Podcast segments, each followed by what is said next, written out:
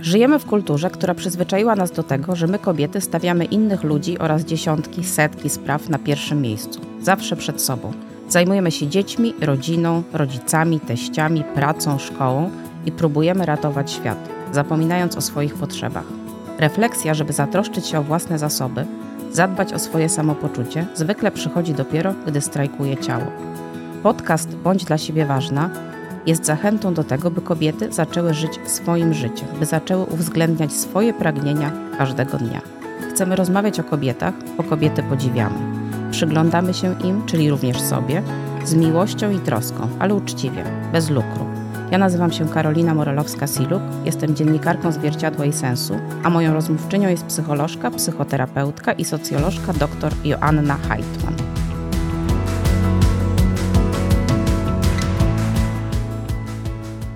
Dzień dobry, Joanno. Dzień dobry. To nasza druga rozmowa, w której przyglądamy się kobiecie, która jest dla wszystkich, a siebie gdzieś tam zostawia na końcu z tyłu. A dzisiaj mamy porozmawiać o kobiecie matce. Hmm. I tak sobie myślę, że jak myślimy matka, to od razu wiadomo, że to kobieta. Ale czy to nie jest tak, że jak kobieta się staje matką, to trochę przestaje być tą kobietą?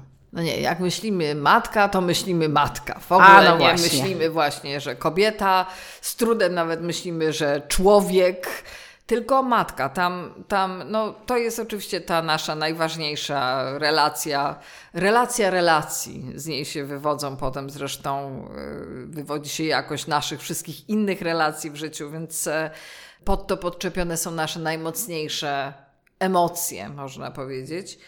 I bardzo często, nawet kiedy już jesteśmy dorośli, to właściwie myślimy o tych naszych matkach, no właśnie jako o matkach, czyli tego wszystkiego, co, co w stosunku do nas, a nie, że to są jakieś osoby, które oprócz tego no, są. E, istnieją. Istnieją, tak, po prostu mają swoje inne funkcje, życie i tak dalej. Więc trochę tak jest. A poza tym, rzeczywiście to nie jest tylko kwestia jakiegoś wyobrażenia i tego, tych emocji, które wkładamy w tą, w tą postać właśnie e, matki, w tą relację, tylko też tego, że kulturowo, może u nas w, tej, w naszej kulturze nie aż tak mocno, ale bywa tak, że właśnie y, stanie się matką przez kobietę jest takim rytuałem przejścia są dwa. Wyobraźmy sobie różne takie rytuały w tradycyjnych kulturach, społecznościach, prawda? Że jest dziewczyna, ona ma długie włosy, jest swobodna, y, jest zalotna, prawda? I, i, i, i nosi, nie wiem, kolorowe stroje i tak dalej. A potem jest na przykład rytuał y, za mąż pójścia. On może jest jakiś bardzo i yy, właśnie kolorowy i bogaty, ale od tego dnia na przykład albo ścina jej się warkocz, prawda? Albo tam ma nosić już y, długie tylko jakieś sukienki albo inne stroje zakrywające ciało. Mówię o tradycyjnych społecznościach, ale zauważ, że to był taki rytuał przejścia, który już mówił, no już nie jesteś właśnie kobietą, jesteś żoną, to jest coś innego. No a potem jest dziecko i stajesz się matką. To, I to już koniec. I to już koniec, tak. Nie macie. tak. Nie macie. Znaczy, właśnie tak, już właśnie jesteś tą funkcją, można powiedzieć. Ja oczywiście tak to trochę w czarnych barwach rysuję i trochę przerysowuję, bo my nie żyjemy w świecie tradycyjnym aż tak bardzo. Ale chcę pokazać, tak jak zawsze w tych naszych spotkaniach, pokazuję, co jest z tyłu co jest w historii nas kobiet, co jest w wielu pokoleniach. Bo to, że jest XXI wiek i my inaczej żyjemy, nie oznacza, że to jakoś w nas wymarło czy zamarło, że to gdzieś nie działa z punktu widzenia nieświadomości naszej własnej, jak i ludzi yy, yy, wśród nas. Także. Zresztą do tej pory, no, tak jak e, są takie kultury no, tutaj europejskie, myślę, że w wielu częściach, na przykład Włoch, tak jest, że, że, że na przykład na południu się uważa, prawda, że no, matka moich dzieci, prawda, czyli no, moja żona, ale matka dzieci, to to jest ta rola, która definiuje tą moją żonę i, i, i teraz to oznacza, że, że, że jakiś szczególny szacunek na przykład jeśli należy i tak dalej, ale generalnie już jakby w ogóle w takim razie nie patrzę na nią jak na kobietę, na przykład mąż jest moją żoną. Więc są takie, e, są takie nawet jeszcze do tej pory uświęcone, można powiedzieć, tradycje. Także jest jeszcze też w nas takie mm, czasem rzucenie się w tą rolę e, z dobrej woli, można powiedzieć, które mówi, no jak teraz jestem matką, to ja muszę po prostu całą resztę swojego życia wyłączyć.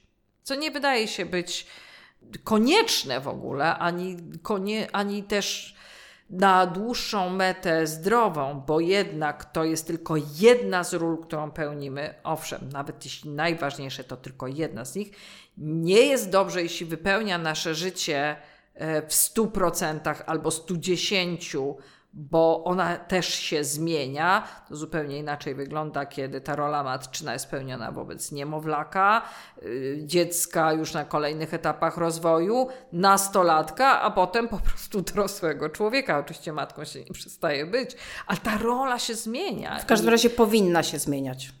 No tak. I, I też nie mamy nad tym kontroli, że, że ta relacja się zmienia i nie możemy sobie wobec tego, no jest takie, jest to, to jest też takie niebezpieczne, jeżeli wyłączamy wszystkie obszary naszego życia, bo teraz bo teraz pełnimy tylko jedną rolę, bo trochę też wtedy to wchodzimy w, ten, w te różne takie syndromy poświęcenia, prawda, o których też mówiłyśmy poprzednim odcinku. Wyłączamy wszystkie inne role, ale też e, przestajemy albo zapominamy właśnie o tym, mm, jakie my jesteśmy, co my może lubiłyśmy kiedyś. E, Znowu drobny przykład. Mam znajomą, która mi powiedziała, że udało jej się, ma, to jest mama e, dwojga dzieci, powiedziała, że w zeszłym roku udało im się z mężem wyjechać na dwa dni. Pojechali pierwszy raz e, sami i ona, i poszli do restauracji, i ona, czytając menu, zorientowała się, że ona właściwie nie wie, co ma wybrać, bo ona nie wie, co lubi, bo przez wiele lat, czy, trzymając menu restauracyjne w ręku, to ona patrzyła pod kątem tego, co lubią jej dzieci, i ona potem do nich, po nich doje. Więc ona wybierała pod ich kątem i uświadomiła sobie to w momencie, kiedy trzymała to menu, że ojej, ja mogę wybrać to, na co ja mam ochotę rzeczywiście, no to na co ja mam ochotę. I to jej zajęło dłuższą chwilę, ale miała tę refleksję, że, e, że zawsze wybiera pod kątem dzieci. To jest bardzo pouczająca historia. Myślę, że wiele, y, wiele z nas może się w niej przeglądnąć. Y, z tymi potrzebami y, matki i dziecka jeszcze zachodzą inne ciekawe, bardziej jeszcze wiesz, złożone i trudne historie. Y, kiedy to właśnie tak kobieta wypełniona tą rolą matki, tak po brzegi w 110%, mm, niejako myli potrzeby swojej dziecka pokażę coś takiego, no właśnie znowu te paradoksy, które tak lubię pokazywać. Bywa tak, że matka zakłada, że jej potrzeby i dziecka potrzeby to jest to samo. Czyli na przykład pyta dziecko, yy, a nie jesteś głodny?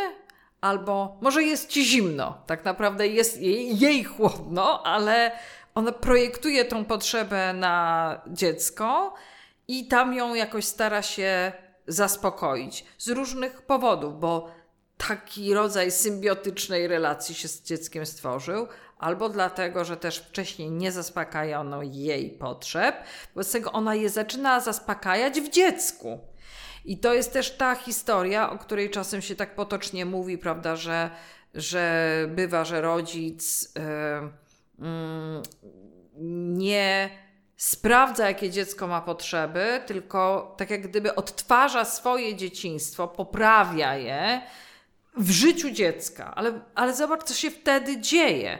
Nam się w ogóle myli yy, miłość z jakiegoś takiego rodzaju zależnością, z jakąś symbiozą, yy, z yy, oddychaniem jednym powietrzem w jednym rytmie no to trudno się dziwić, że wtedy ja też zapominam o potrzebach, bo w ogóle, bo w ogóle się zdaje mi wydawać, że to są jedne i te same potrzeby.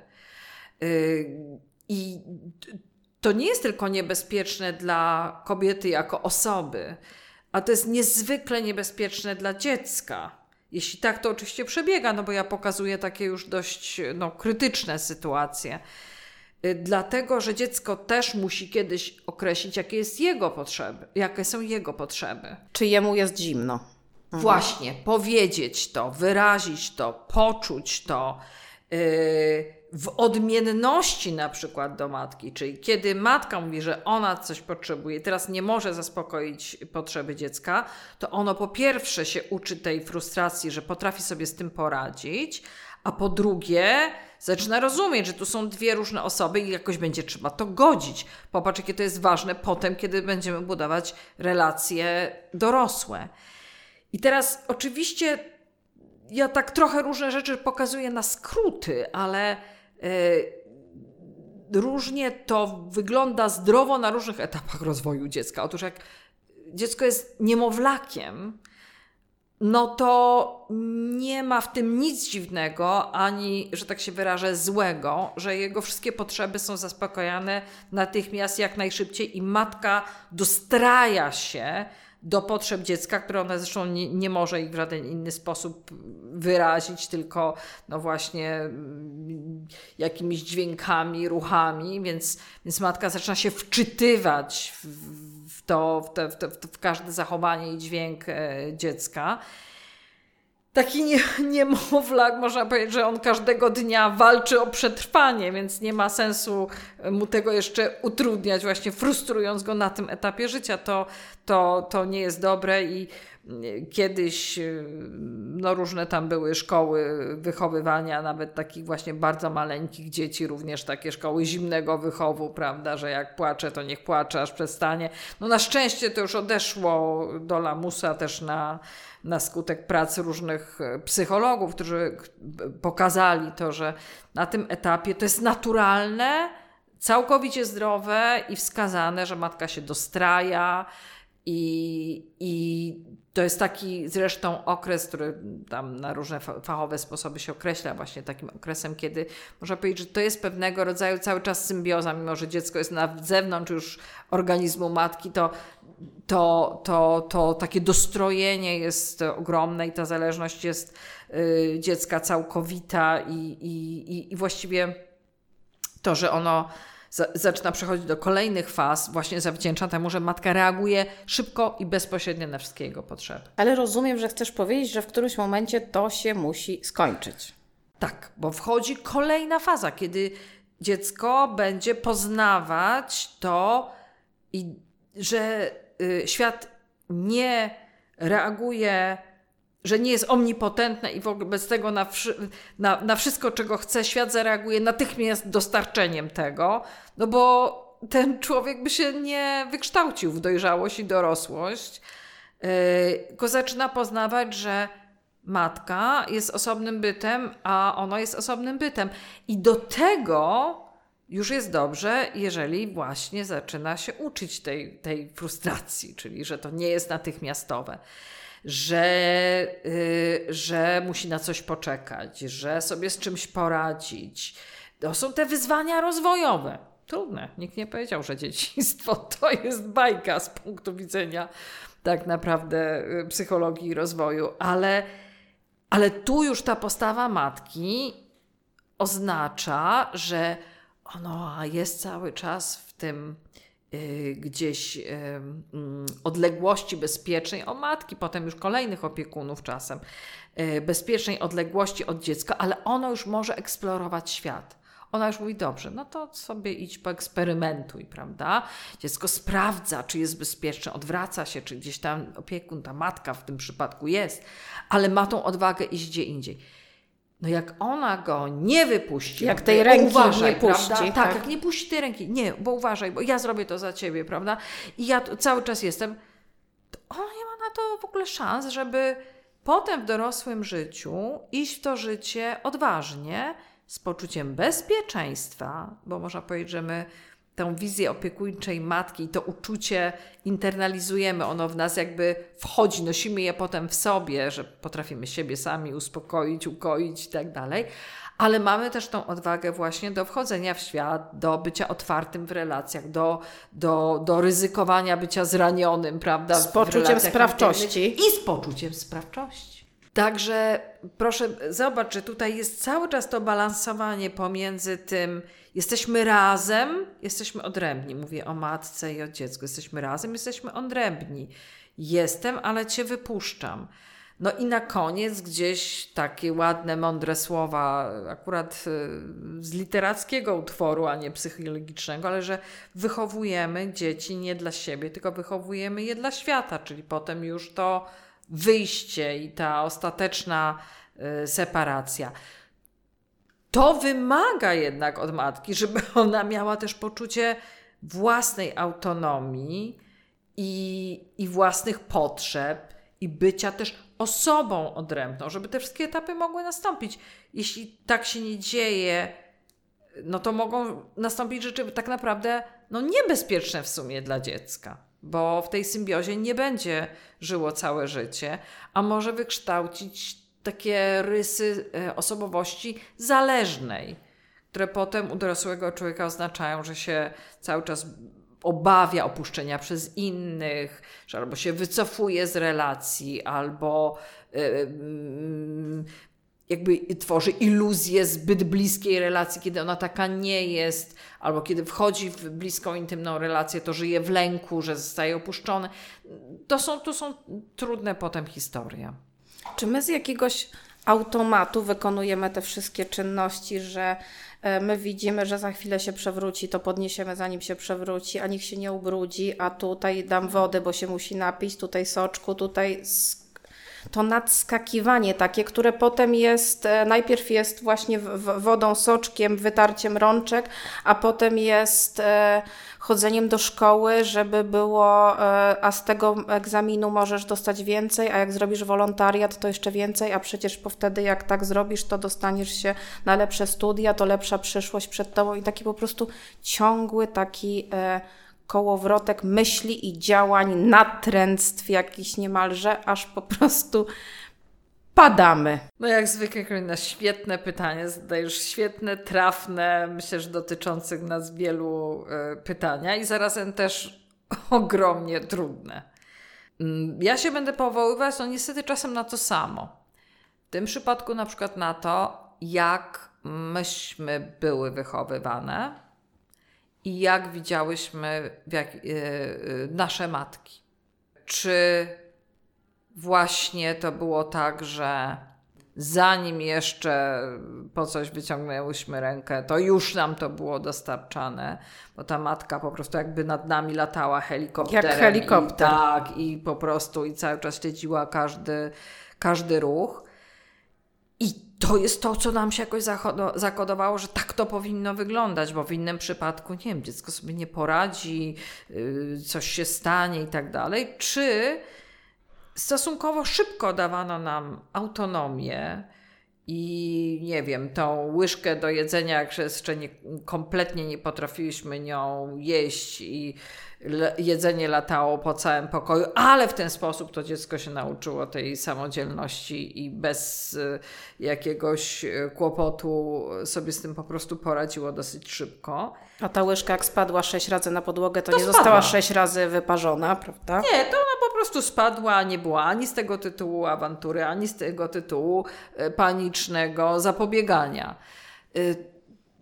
To to, to prawdopodobnie y, podobny wzorzec przeniesiemy y, u siebie.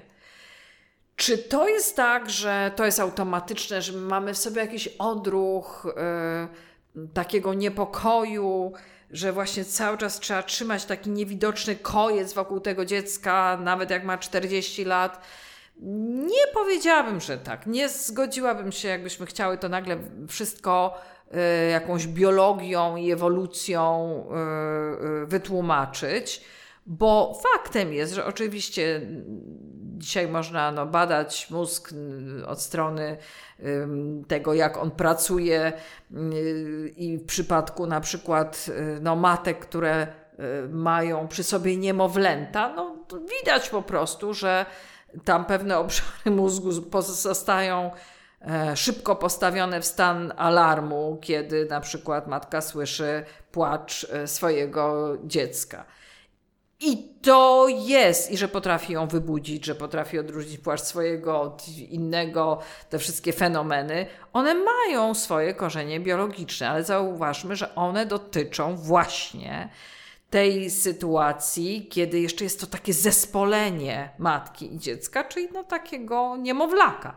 Natomiast jeżeli to się utrzymuje, mm, no to coś się dzieje nie tak, bo po pierwsze, nawet gdyby tak biologia działała, choć nie działa, e, to my jesteśmy od tego i od tego nasz gatunek wytworzył e, tak zwany neokorteks, czyli e, korę mózgową, która jest nowym osiągnięciem ewolucyjnym, więc my nie działamy na instynktach.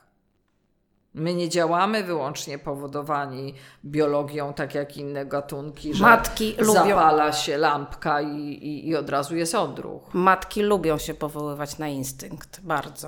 Może to jest jakiś rodzaj wytłumaczenia tego szaleństwa. Matki się lubią, mężczyźni też się lubią powoływać na instynkt, prawda? To są fajne wytłumaczenia różnych e, zachowań, które w pewnym sensie są dla nas może łatwiejsze, ale z zupełnie innych powodów niż to, że rzeczywiście instynkt nad nami panuje. Nawet jeśli tak jest, że y, użyję innego przykładu, może żeby tak pomoralizować chwilę, ale nawet jeśli tak rzeczywiście jest, że my jesteśmy zakodowani, że lubimy słodkie i tłuste, bo kiedyś, prawda, ci, którzy zjedli i znaleźli więcej słodkiego i tłustego, mieli więcej dzieci i po prostu to się wzmocniło.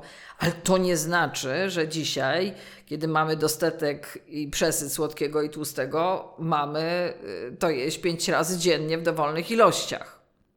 No właśnie od tego mamy kontrolę, nawet jeśli, jeśli są pewnego rodzaju impulsy no, zaszyte w, w naszych mózgach. Ale mm, więc to byłoby chyba, y, nawet tu nie do końca nawet tak jest, ale, ale gdyby było to, to y, bycie rodzicem, no teraz powiem coś dziwnego, w naszym gatunku, nie jest kwestią instynktu, y, tylko jest kwestią trudnej nauki. Może dlatego nam to idzie tak różnie, mm, czasem nawet całkiem kiepsko, bo bo właściwie powinniśmy się jakoś tego uczyć, a się nie mamy kiedy nauczyć, a, a, a nie możemy polegać właśnie tylko na, na instynktach. Także. Także no tu jest, y, no jest praca do wykonania. Powiedziałaś w naszej poprzedniej rozmowie o autostereotypach. Czy to jest tak, że kobieta sama dla siebie, która staje się matką, to ona sama siebie przestaje na jakiś czas albo może na długi czas postrzegać jako kobietę? Może tak być. Absolutnie może tak być. Tylko ja będę tutaj po tej swojej psychologicznej stronie. E, że to znowu nie jest biologia, tylko psychologia. Wyobraź sobie kobietę, ja będę mówić o takich przypadkach szczególnych, takie, takich, które, no nie wiem, psychoterapeuci może częściej analizują, ale wyobraź sobie kobietę, która z różnych powodów tak poczuć, nie wiem, nie, nie ceni w sobie y, tego faktu, że jest kobietą. Z różnych powodów. Wychowania, kontaktów z mężczyznami, z, może być mnóstwo powodów. I teraz staje się matką. I to jest w pewnym sensie dla niej wybawieniem. To jest świetna droga ucieczki. Yy, dobrze zracjonalizowana, usankcjonowana społecznie. I zauważ, że to wcale nie jest rzadkim przypadkiem, że kobieta zostająca matką odcina partnera od siebie. Niejako, prawda? Bo ona teraz dzieckiem się będzie zajmować, li jedynie, prawda? I to nie przez pierwsze pół roku, tylko przez całe lata. Yy, I na przykład rozbija to związek. Też mówię naprawdę to, żeby było jasne, że mówię o takich yy, krytycznych sytuacjach. No? Bo przecież jest jeszcze całe wszystkie odcienie szarości gdzieś są po drodze. Ale zauważ, że, tak się, że to wcale nie jest taka rzadka sytuacja. I, mm, i, to, i, i, i, i tak też może być. Czyli bycie matką staje się dla nas alibi, tak? Tak. Może tak właśnie być. Tym bardziej, że jeszcze właśnie w naszej kulturze takie trochę uświęcenie tego macierzyństwa. No i można się w tym tak przyjemnie osadzić i tak już w tym pozostać. No a potem mamy właśnie też do czynienia z różnymi syndromami poświęcenia, o których była mowa, z różnego rodzaju tam syndromami y, dyskusyjne, czy one istnieją w takim klinicznym pojęciu, czy nie, ale pustego gniazda, prawda, jakiejś takiej właśnie zależności y, w tej relacji z dzieckiem i różnych, różnych innych trudnych rzeczy. Także tak. Bo to też nie jest kwestia tylko, tak sobie teraz myślę, tego, że przestaje być kobietą, ale w ogóle przestaje być człowiekiem, bo jak się odwołać do tej e, znajomej, która usiadła przed tym menu i zorientowała, że ona właściwie nie wie, na co ma ochotę, bo już nie pamięta, co lubi, no to właściwie to nie, ona tutaj nie tylko kobiecość, znaczy to nie o kobiecość tu chodzi, tak? Tylko w ogóle ja jako ja, tak? Ja jako człowiek. Tak, i teraz Y, jakkolwiek my w pierwszej kolejności potrzebujemy właśnie matki jako matki, czyli te, tej y, w psychoanalizie się mówi o takiej właśnie mm, takiej y, no właśnie dostarczyni pożywienia, tak? Właściwie taki wielki kontener z tym mlekiem, z tą miłością, z tą opieką, prawda? To w pewnym momencie my też potrzebujemy matki jako osoby Y, z czymś, co ona wnosi poza tym, bo przecież wyrastamy z tego okresu niemowlęcego, czy bardzo wczesnodziecięcego. I teraz zaczyna się jakaś interakcja, jakieś zaciekawienie, yy, jakieś patrzenie na świat, jakieś, kiedy dziecko już dokładnie wie, że matka jest osobnym bytem, to chciałoby jakoś ten byt oglądać, prawda, co w nim jest nie tylko jako właśnie żywicielkę, dostarczycielkę bezpieczeństwa, ciepła, miłości i opieki, ale co tam jest jako osoby. To jest interesujące. A? Co ja z tobą mogę, co ty robisz, co ja mogę naśladować, bo ty to robisz. Jak fajnie jest być tym kimś, kim ty jesteś, prawda? Jeśli to jest nasz punkt odniesienia, jeśli to jest na osoba, która służy nam jako model, w sensie, że my obserwując, uczymy się przez modelowanie, to tam coś się musi dziać. Tak, i my z tym całym naszym takim poczuciem, często my kobiety, że my się tak dla tych dzieci poświęcamy, że my jesteśmy w stanie poświęcić wszystko swoją karierę zawodową, swoje pasje, czasami związki, bo wszystko dla tego dziecka. E... To jest koncept, który, no nie wiem, jest, jest, konceptem zgubnym.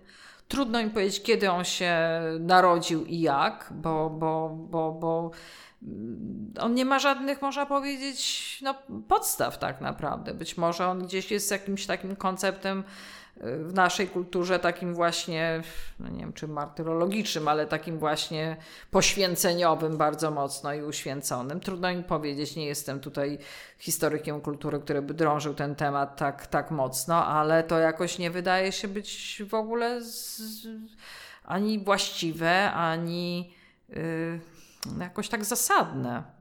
I zostajemy w pewnym momencie e, e, z niczym, ale też przy okazji właśnie nam ucieka to, że jak gdyby, że tutaj krzywdzone są obie strony, tak? Tak, że to w ogóle ja, niczemu właśnie, nie służy. Ja właśnie Przeciwnie. to chyba najbardziej chcę y, podkreślić, bo oczywiście każda z nas może jakiegoś wyboru dokonać, również takiego mm, samopoświęcenia, tylko, tylko jest pytanie, co to daje temu dziecku, dla którego to poświęcenie jest. I czy ono działa rzeczywiście prorozwojowo, bo każda z nas by chciała, żeby te dzieci były szczęśliwe, żeby sobie fajnie poradziły w życiu, żeby miały dobre związki, żeby y, no, to miały, no były szczęśliwe, tak, w życiu. To jest chyba tym marzeniem każdego rodzica i matki i ojca zresztą. No więc pytanie, czy to prowadzi to, właśnie do tak, tego. Bo mhm. wydaje się, że nie.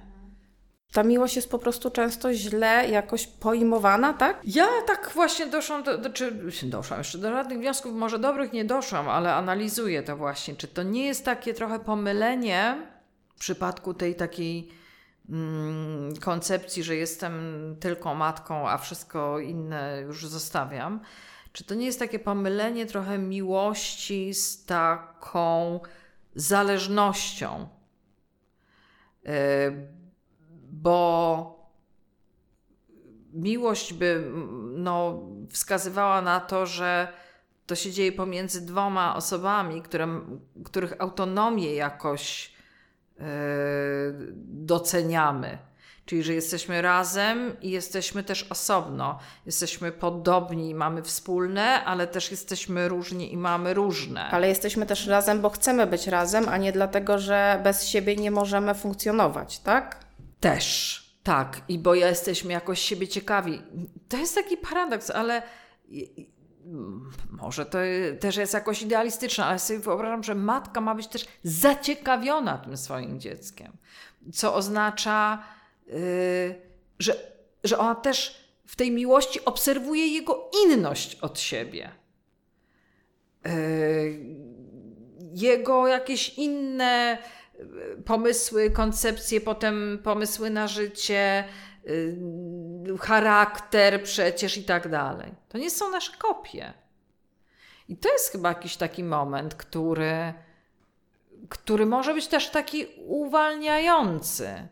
Taki, który potem też uczy to dziecko, że ja jestem ok i ty jesteś ok ty jesteś osobą, masz swoje potrzeby i masz do nich prawo. Ja jestem osobą i ja mam swoje potrzeby, też mam do nich prawo. My musimy między sobą coś uzgadniać, żeby to szło, biorąc pod uwagę to, bo się kochamy, to będziemy to jakoś uzgadniać, ale wiemy też, że jesteśmy y, inni.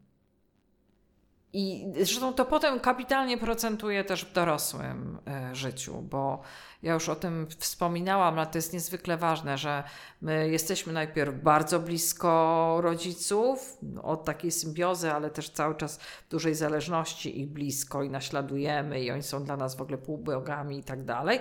Potem następują różne bunty od tych tam słynnych buntów dwu czy trzylatka, a potem tego buntu właśnie y, nastoletniego i, i takiego gwałtownego odejścia, ale potem jest powrót, tak? ale już dwu jakoś ukształtowanych dorosłych osób. I teraz bardzo często bywa tak, że ci rodzice, którzy no jakby świetnie w tej roli sobie radzili, kiedy te dzieci właśnie były małe i zależne, jakoś kompletnie już z tymi dojrzewającymi albo dorosłymi jakoś nie znajdują tego, no bo tam już trzeba być partnerem, czyli gdzieś się po drodze musi się odbyć ta, to, to uczenie się, że można być w bliskiej relacji jednocześnie być autonomicznymi bytami. Dlatego to jest takie ważne, dlatego do tego jakoś tam nakłaniam albo przestrzegam, jeśli tak mogę powiedzieć. Myślę, że matką bardzo często ciężko jest się, najtrudniej jest tak, dać się potknąć, dać się przewrócić, dać nie zdać, dać oblać, yy, bo my tak chcemy strasznie chronić przed tymi niepowodzeniami.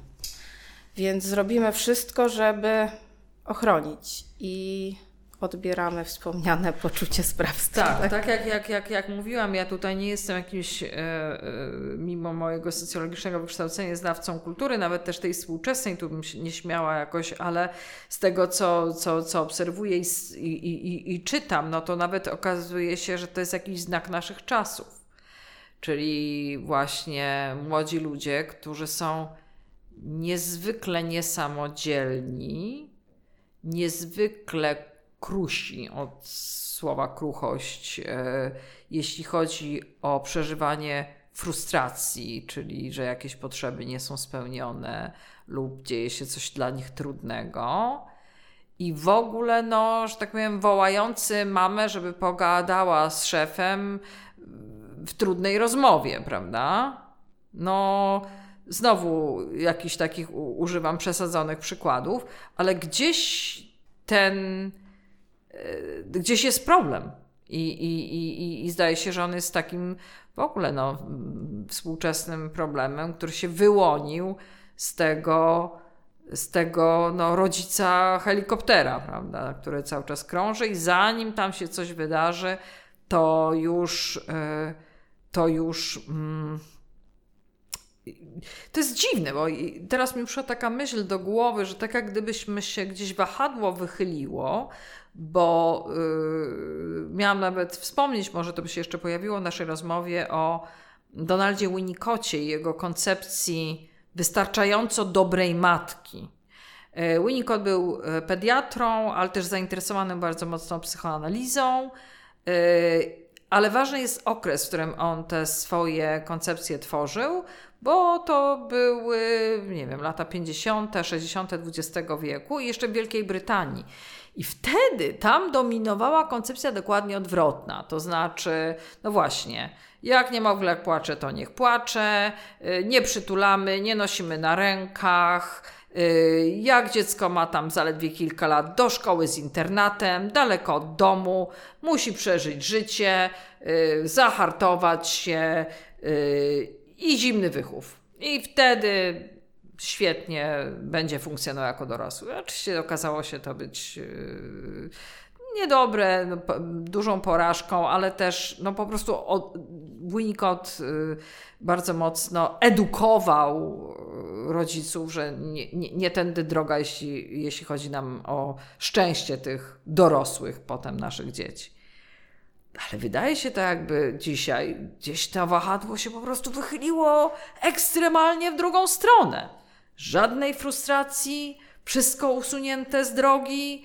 Zanim otworzy usta, już do, do dzióbka dostaje, prawda, ptasie mleko. No i tak będzie najlepiej. I nie daj Boże, żeby się przewrócił, prawda? No to gdzieś tak też yy, nie może wyrosnąć dorosły człowiek, który potem ma no jednak sobie radzić z życiem dorosłym, które jest no obfituje we frustrację z oczywistych powodów. Tak, ale my się tak strasznie boimy dzisiaj o te dzieci. Myślę sobie, że pokolenie, dwa pokolenia wstecz, nie pamiętam, żeby nasi rodzice, nasi dziadkowie, żeby byli tak przerażeni, e, żeby tak paraliżował ich strach o, o, o nas, jak, jak to, to jest może nie zawsze, ale często wychodzi z lęku, wywodzi się z lęku. No i tu pewnie y, jest też kilka pomysłów na to, jak to jest. Czy, czy rzeczywiście to, że dzisiaj informacji jest ileś tam razy więcej, y, także tych, które mogą ten lęk budzić, co się tym dzieciom może stać i co im grozić, a wtedy może nie, nie, nie byli ci rodzice świadomi. I wyobraźnia się budzi i e, tak i podpowiada scenariusze, które nie dają zmrużyć oka. Na przykład, ale mam też taką myśl, że y, nasi rodzice, a rodzice naszych rodziców, no mieli wystarczająco, y, byli y, zaabsorbowani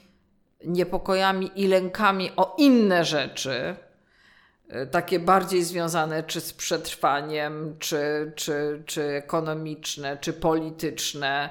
E, no, tak, nie były to e, czasy łatwe, bo mówimy o okresie wojny, o, okresie okupacji, o okresie komunizmu. No tak, w związku z czym no, mieli na tyle rzeczywistych zagrożeń, że się nimi zajmowali. I w dodatku to był taki realny, jeśli się pojawił, taki realny strach, któremu przeciwdziała się na przykład robiąc coś, prawda? Natomiast, no, my żyjemy w takim okresie, no, mimo tego, co nas przez ostatnie trzy lata spotyka, mam na myśli pandemię, która właśnie też pewnie wiele zmieniła, e, a, a dzisiaj wojnę przy granicy, ale generalnie to żyjemy w, no, w, czasach spokoju, dostatku i no, nieporównywalnie jakby takich no, bardziej obfitych niż y, nasi rodzice czy dziadkowie nasi, to mam na myśli no, pokolenie ludzi, którzy się rodzili zaraz po wojnie, czy przed nią. Wobec tego rozwijamy nie tyle strach, co takie lęki, bo lęk to jest coś innego. No, strach to jest tak, że rzeczywiście jest zagrożenie, no i ja się boję i coś z tym robię, żeby uniknąć zagrożenia, a, a, a lęk bardzo często jest takim stanem niepokoju, bardzo często no, takim, takiego wzmożonego, który się pojawia raczej bardziej na skutek jakichś wyobrażeń, czyli nie konkretnie realnych zagrożeń. Częściowo oczywiście też jest to strach, no bo też czytamy, też wiemy, że coś się może wydarzyć, ale też i na tym się bardziej skupiamy, bo możemy sobie na to, mówiąc tak nieładnie, pozwolić. No właśnie, bo zaczęłam się zastanawiać, z czego to wynika. Powiedziałeś, że to wahadło się wychyliło. Eee, no właśnie, no, z, z, czego to wynika właściwie? Też ja sobie tak e, czasem, no nawet przygotowując się do naszej rozmowy, e, też, no nie wiem, przeglądałam różne publikacje, takie bardziej popularno-psychologiczne albo różne strony internetowe i, i z kolei jakaś presja na tą właśnie bycie idealną matką, prawda? I ten coach ci powie, i tamten ci doradzi, a, a, a ten coś podpowie, yy, a jeszcze te obrazki takie właśnie yy, tej mamy, co to i taka piękna i uśmiechnięta, prawda? I, i z tym dzieckiem się bawi. W ogóle jakieś wydumane, iluzyjne kompletnie historie. No to wszystko też u wielu kobiet może powodować jakąś taką kompletną presję, że ona jeszcze wszystkiego nie zrobiła, jeszcze o wszystko nie zadbała, jeszcze y, i w ogóle będzie jakąś złą matką. Prawda? Trochę wyobrażone, trochę może nawet i, i, i rzeczywiście takie presje gdzieś w niektórych środowiskach czy rodzinach tworzone. Bo to prawda, że te matki, które są takimi matkami nadskakującymi i takimi, one bardzo często o sobie myślą, że są właśnie niewystarczająco dobrymi matkami. One bardzo często swoje macierzyństwo, swoje rodzicielstwo oceniają bardzo nisko. Tak. Chociaż tak właśnie bardzo e, no, są całe dla tych dzieci. Tak, I, i, i, i, tych kilka czynników, o których mówimy, się bardzo często wtedy składa. Wcześniej jakieś poczucie wartości jako osoby, jako kobiety może być zaburzone, czyli wszystko jest, e, całe poczucie wartości jest jakby zainwestowane w tą właśnie rolę matki, no czyli można powiedzieć, że to jest takie przeinwestowane, czyli już musi być idealne, bo tam jest wszystko, tam jestem cała ja, jest ogromne skupienie, czyli też całe, wszystkie też niepokoje i lęki, nie tylko o dziecko, ale o siebie w takim sensie, no czy ja tą rolę idealnie wypełniam, bo jeśli nie, no to, no to gdzie jest moja wartość, prawda? Może się do, dołączyć czynnik yy, yy, wychowania, że, że, że tak się nauczyłyśmy gdzieś od swoich matek, czy tam babek i tak dalej. Może do, dojść czynnik czysto osobowościowy. Przecież są osoby, które mają taki rys perfekcjonistyczny, prawda? Że jak już coś robię, to musi być takie y, idealne. idealne, prawda? Do tego jeszcze może się nałożyć właśnie to takie pomylenie miłości z tą symbiozą, prawda? że my tu oddychamy jedną powietrzem w jednym rytmie. Y, no i to wszystko razem, jak, jak, jeśli się złoży, no to składa się i na masę y, lęków i niepokojów, i na takie mm, ciągłe poczucie, że no jednak ciągle jestem niewystarczająca. To z kolei jeszcze bardziej jakby daje takie, takie zagarnięcie tego dziecka w siebie i niepozwolenie mu, no takim, no po prostu no byciem, że to wszystko jest takiej niedoskonałości, prawda? No stąd u, u tego Winnicota, którego wspomniałam, jest to pojęcie takie piękne, yy, wystarczająco dobrej matki. Ono yy, tak dobrze brzmi, więc jest tak łatwo, potocznie rozumiane, ale ono zarazem też dotyka takiej głębokiej rzeczy, że, yy, że to nie jest coś specjalnego, co my mamy robić, że, że, że, że, że mamy reagować jakoś płynnie na to, co się z tym dzieckiem dzieje, ale nie kierować tym, nie być właśnie tym takim stojącym dookoła końcem, prawda, bo coś się wydarzy. I gdzieś w podtekście, że jesteśmy do tego zdolne, że damy radę, że potrafimy, tak, że umiemy, tak? A no właśnie, bo do tego jeszcze się nakłada wszystko to, co powiedzieliśmy w poprzednim odcinku, czyli taki, no ja to nazwałam tak roboczo takim syndromem y, poświęcenia i takiej heroiny właśnie, która nie patrzy, czy ma y, siłę, chęć możliwość, y, tylko no, dokonuje jakichś, jakichś takich czynów ponad własną miarę. To, to też Winnicott o tym pisze, że to jest też nie y, dobre, bo po pierwsze gdzieś w pewnym momencie pęka, nie wiem, depresją, frustracją, agresją, bardzo różnie to bywa, ale ma, ma obrazy też niezwykle niefajne. Y, po drugie dziecko ma widzieć też prawdziwego człowieka, który jest zmęczony, ale sobie z tym radzi. Nie, tylko kiedy dziecko jest bardzo małe, z niemowlakiem, matka chroni je przed swoimi też wszystkimi emocjami i, i, i, i potrzebami, ale potem to nie jest potrzebne, bo dziecko też chce widzieć właśnie tego żywego człowieka, który też sobie z tym radzi. E, więc e, tak, jak się jeszcze złoży kilka tych czynników, no to, to, to, to mamy tak, coś takiego. Ta wystarczająco dobra matka, ona zawiera chyba w sobie też to, że nie mam wciąż poczucia winy. Ja myślę, że to też jest coś, co matkom bardzo często towarzyszy poczucie winy. Ale winy związane jest z czym? Że nie, że mogę więcej, że powinnam inaczej, że mogę więcej, że e, no właśnie poczucia winy, że nie jestem taką matką, jaką być powinnam, cokolwiek to znaczy. No to też jest pytanie, skąd to poczucie winy się bierze, bo ono się nie pojawia samo. My nie jesteśmy jakoś zaprogramowani na poczucie winy, dopóki, nie wiem, nie, nie, nie, nie krzywdzimy kogoś albo nie łamiemy jakiegoś wielkiego tabu, prawda? To, to wobec tego skąd ono się bierze? Czy ono się bierze z tego, że, na, że je w nas wyprodukowano w trakcie naszego wychowania? No. Czy ono się. No właściwie no, zazwyczaj tak to jest. Bo czy, czy, czy ono jest jakoś wzmacniane, nie wiem, przez y, naszego partnera, przez inne osoby w rodzinie. Y, ono, ono się nie, nie bierze z nas, absolutnie. Czy ono się bierze z krytycznego rodzica, y, który nas krytykował, nie wiem, ojca czy matkę za cokolwiek, co robiliśmy że, że, że mamy czwórkę, a nie, a nie piątkę tam na świadectwie i tak dalej, albo jak piątkę, a nie szóstkę i, i zawsze byliśmy niewystarczające. Także to często są rzeczy, które nie są stricte związane z y, macierzyństwem. One się po prostu dołączają do, do tej tak głęboko przeżywanej roli, albo nawet tak nadmiarowo przeżywanej roli. Janno, ja bym chciała, żebyśmy zawsze szukały mm, optymistycznych akcentów i wątków takich, z którymi nasz słuchacz może wyjść i tak poczuć jednak światło, poczuć słońce.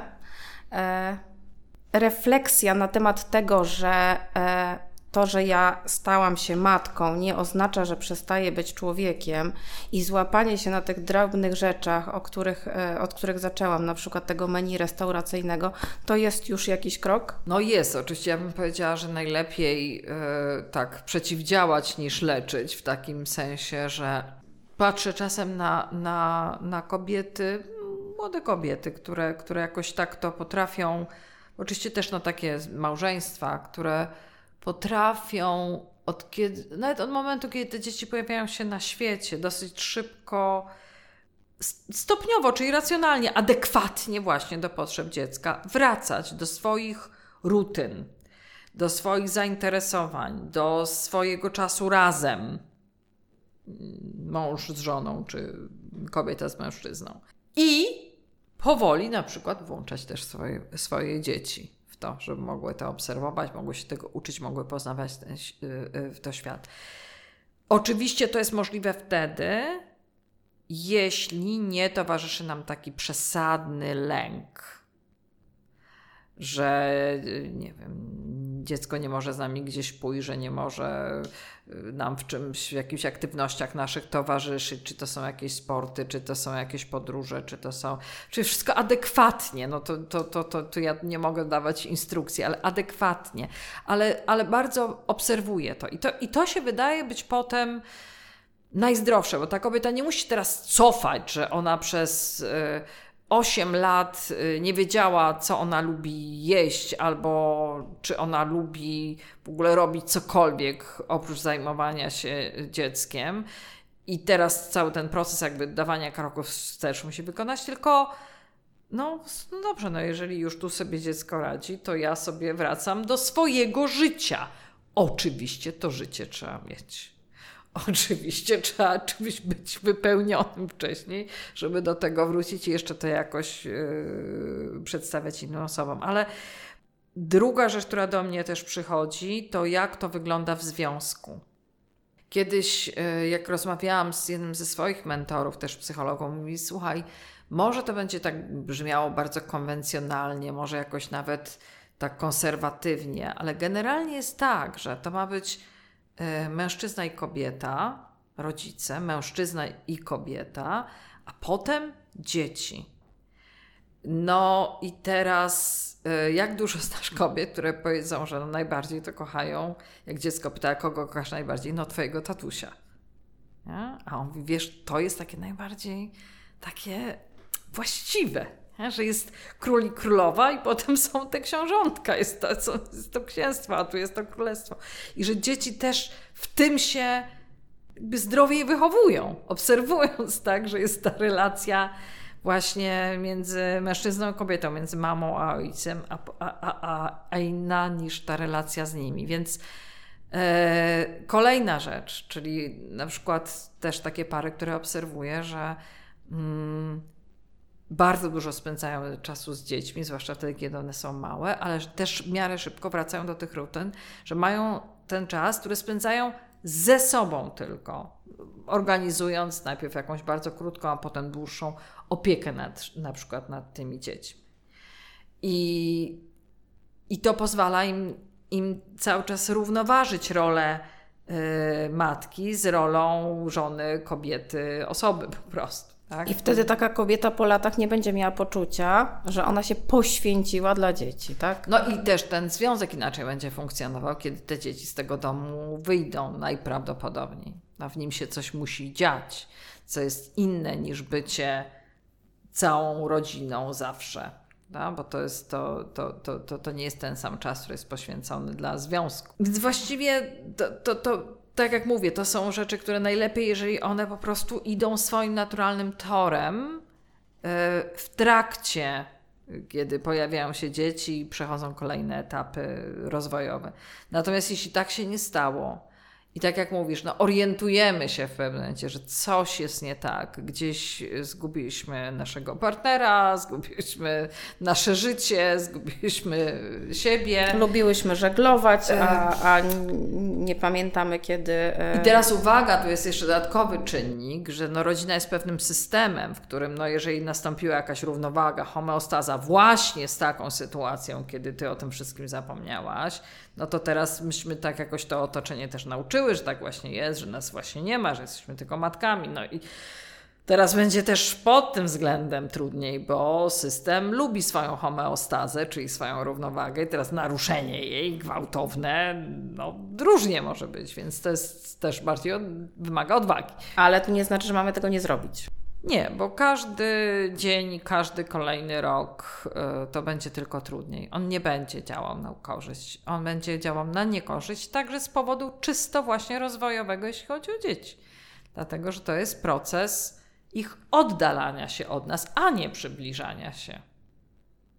Więc chodzi o to, żeby w tym punkcie wszyscy na to byli y, gotowi. Także tak, z całą pewnością na to nie jest za późno.